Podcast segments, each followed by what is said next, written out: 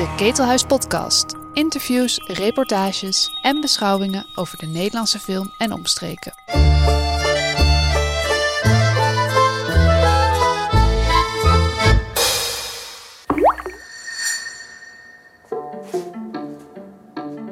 Welkom bij het uh, Ketelhuis ITVA Journaal 2022, de derde dag alweer. We zitten hier met Saskia Bolleke, uh, regisseur van de documentaire Inside My Heart. Het is een documentaire over de theatergroep Kamak. Die bestaat uit acteurs met een verstandelijke beperking. Saskia, jij zag die hun, een van hun voorstellingen, de voorstelling Furia. En je besloot niet dat stuk te verfilmen, maar een film te maken over dat ensemble. En tegelijkertijd ook een beetje dat stuk te verfilmen. Er zijn minstens vier vertellagen in je documentaire. Ja, eigenlijk wilde ik in eerste instantie gewoon het stuk verfilmen. Maar ik realiseerde me dat ik dat nooit voor elkaar ging krijgen financieel. Dat mensen me nooit zouden geloven dat ik met deze mensen een volwaardige film kon maken. En dus het was eigenlijk in eerste instantie een truc. Dat ik dacht, ik doe gewoon net alsof ik een documentaire maak, maar ik maak eigenlijk stiekem de speelfilm met ze. En uh, dus zo is de aanvraag uiteindelijk ook de deur uitgegaan en is dat goedgekeurd. En wonderbaarlijk is de film uiteindelijk toch wel zo geworden zoals ik hem had aangevraagd. Maar stiekem was ik van plan om een speelfilm te maken. Maar dat, dat kon niet, je zegt omdat niemand het zou geloven? Nou, het is, het is als je het. Um, ik had verschillende mensen meegenomen naar de voorstelling om hun te overtuigen van, nou, dit is gewoon goud. Hier moet wat mee gebeuren.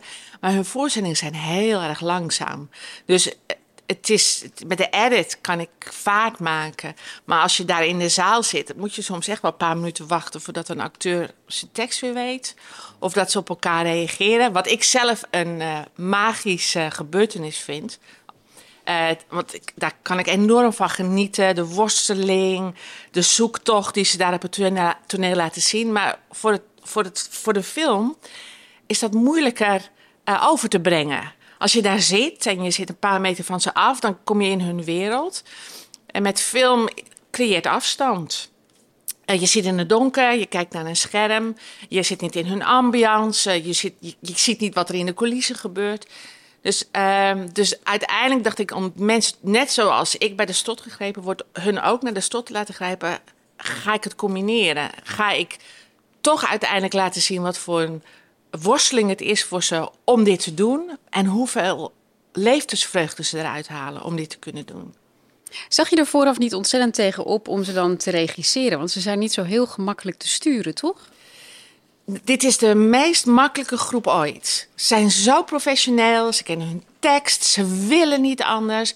En wat het zo bijzonder is aan, uh, uh, en met hun werk is, je, je werkt met twee mensen en de rest zit daaromheen. Maar ze zitten allemaal in een drama. Het moet dodelijk vermoeiend voor hun zijn om dit te doen. Want als ze aan het repeteren zijn, zijn ze allemaal onderdeel van wat daar gebeurt. Ze weten de tekst, ze weten wanneer, wanneer iemand zijn tekst vergeet, ze helpen. Ze kunnen ook voor elkaar in, inspringen. Dus het was het tegenovergestelde. Ik heb nog nooit mensen meegemaakt die elke dag dit zo graag wilden doen. En stonden te trappelen. Ze waren eerder dan mij in de theaterzaal. Ik weet ook dat de begeleiders zeiden van dit hebben we eigenlijk nog nooit meegemaakt. Meestal moeten ze elke ochtend onderhandelen bij de koffie van nou jongens, we gaan beginnen. En nu zaten ze al klaar van gaan we beginnen. En ze hielden van de camera.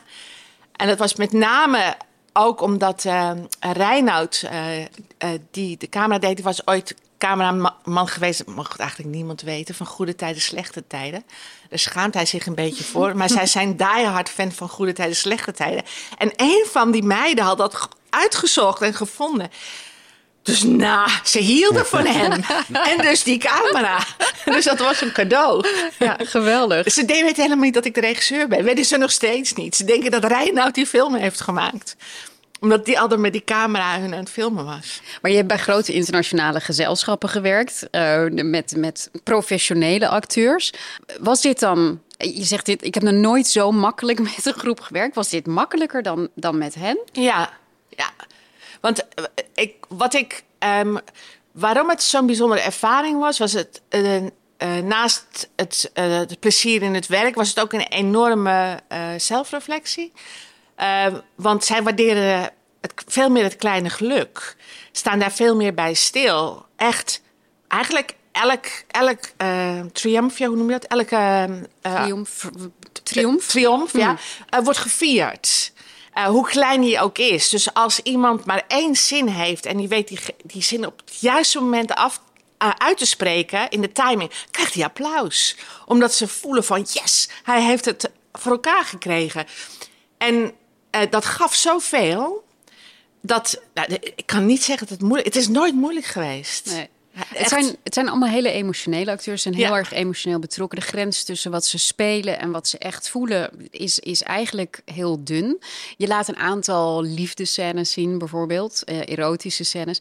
In hoeverre kan je dat doen met mensen die die grens niet um, helemaal aanvoelen? Want mensen worden opeens, denk ik, verliefd op elkaar. Die gaan elkaar opeens begeren, terwijl dat daarvoor niet zo was. Is dat ook niet met ons zo? hebben, wij niet, hebben wij niet allemaal uh, uh, in ons dat we anderen lief hebben en lief willen hebben? Kijk, bij hun is het heel erg zwart-wit. In hun privéleven bestaat dat gewoon niet.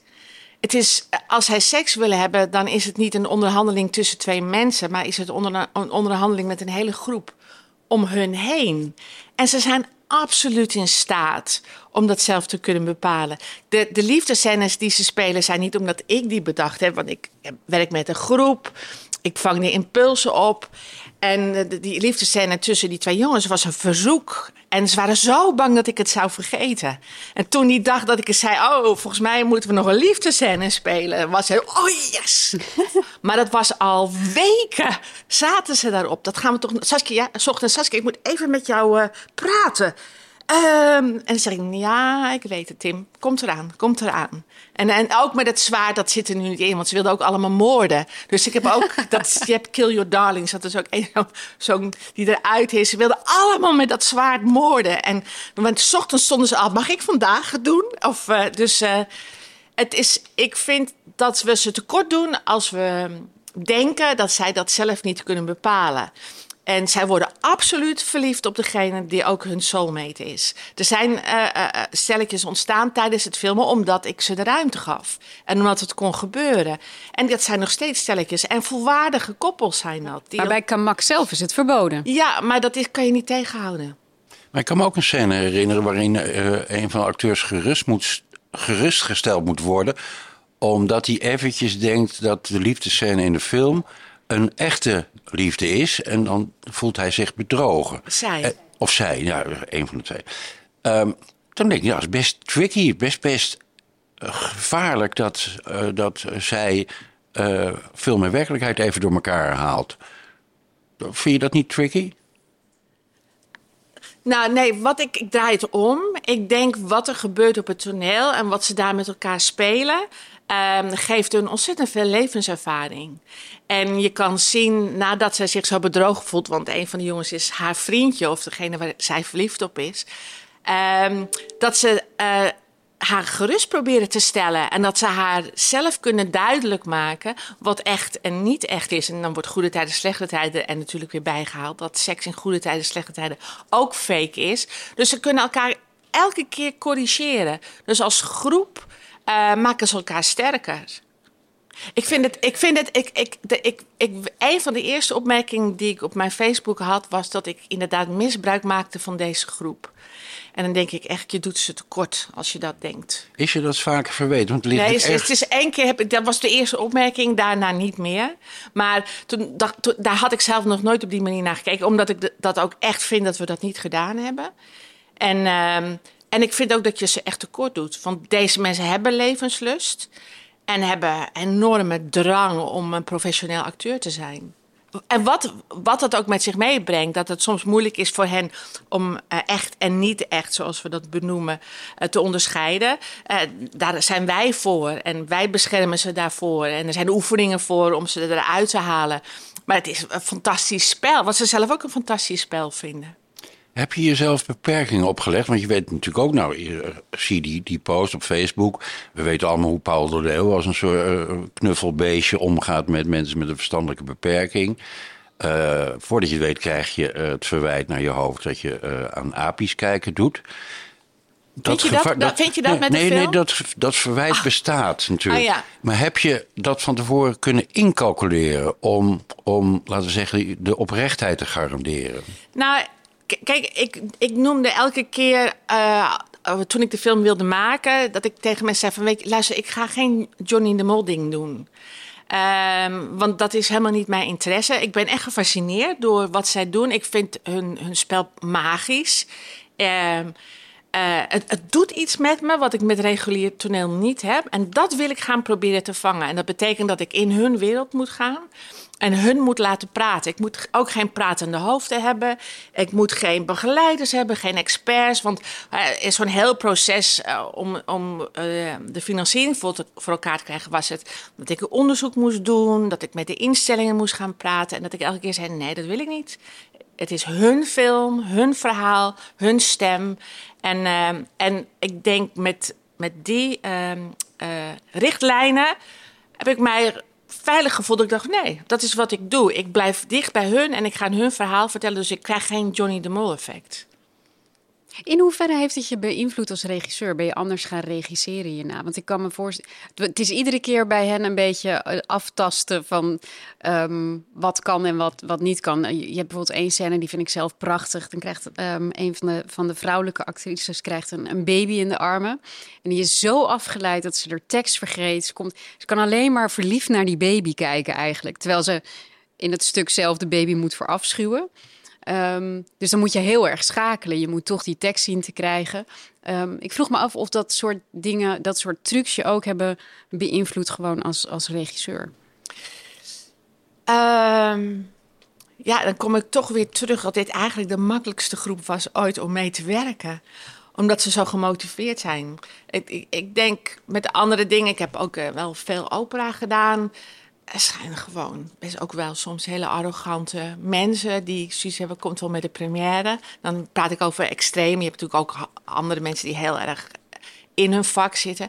Dat heb ik bij hun nooit gehad. Ik wist elke dag, ik ga krijgen wat ik wil krijgen. En, eh, en het plezier stond heel erg eh, voorop. En we hebben natuurlijk alles heel goed elke dag met ze besproken. Nou, heel veel kwam, natuurlijk niet in de film en wilde ik in beelden laten zien. Maar ik heb wel voor gewaarborgd dat alles wat we deden, dat ze dat begrepen.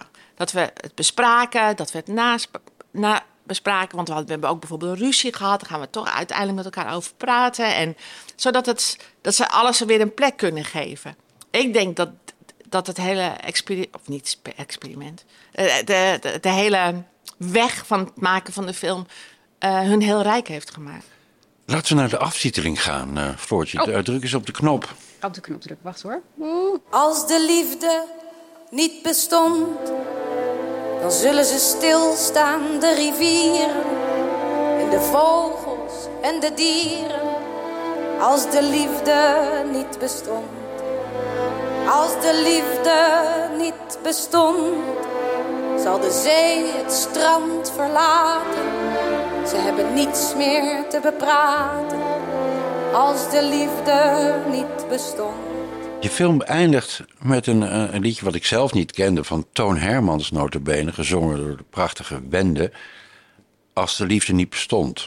Nou, dat heeft natuurlijk betekenis. Ja. Nou, welke? Nou, eerst had ik mijn film zo willen noemen als de liefde niet bestond. Maar dat ging niet omdat dat de titel van het liedje was en we daar niet de rechten voor kregen. Eh, ik word emotioneel van als ik het hoor. Dit, dit liedje is zo belangrijk geweest voor het maken van de film. Omdat wat ik daar ervaren heb bij de groep was liefde. En eh, het, eh, ik overdrijf echt niet dat het heel veel met mij gedaan heeft om die weken met die mensen te werken. Omdat ik dat alleen maar heb gevoeld. En dat eh, ehm, in plaats van dat je naar ze kijkt als mensen met een beperking, eh, die je moet helpen en eh, die je moet beschermen en, en, en dat je dingen voor ze bepaalt, ehm, was het eigenlijk dat ik voelde dat er eh, voor me gezorgd werd. Weet je wel, zij lazen mij. En zij zagen mij als ik even door de war was. En, en dan kreeg ik opeens een hand op mijn schouder. En, en, en het plezier samen en de dankbaarheid naar elkaar. Hè? Niet alleen naar mij. Want voor hun is, bestaat er niet iemand, een baas die het doet. Ze doen het, we doen het met elkaar. En eh, dus dat is wat ik daar ervaren heb, de liefde. En eh, dat is wat ik uiteindelijk belangrijk vond om dat te laten zien in mijn film. Mooi. Nou, je film is nog diverse keren op de ITVA te zien. In ieder Ja. geval ook in het Ketelhuis, zaterdag 19 november om 11 uur 's ochtends. Dankjewel, Saskia. Dank jullie wel.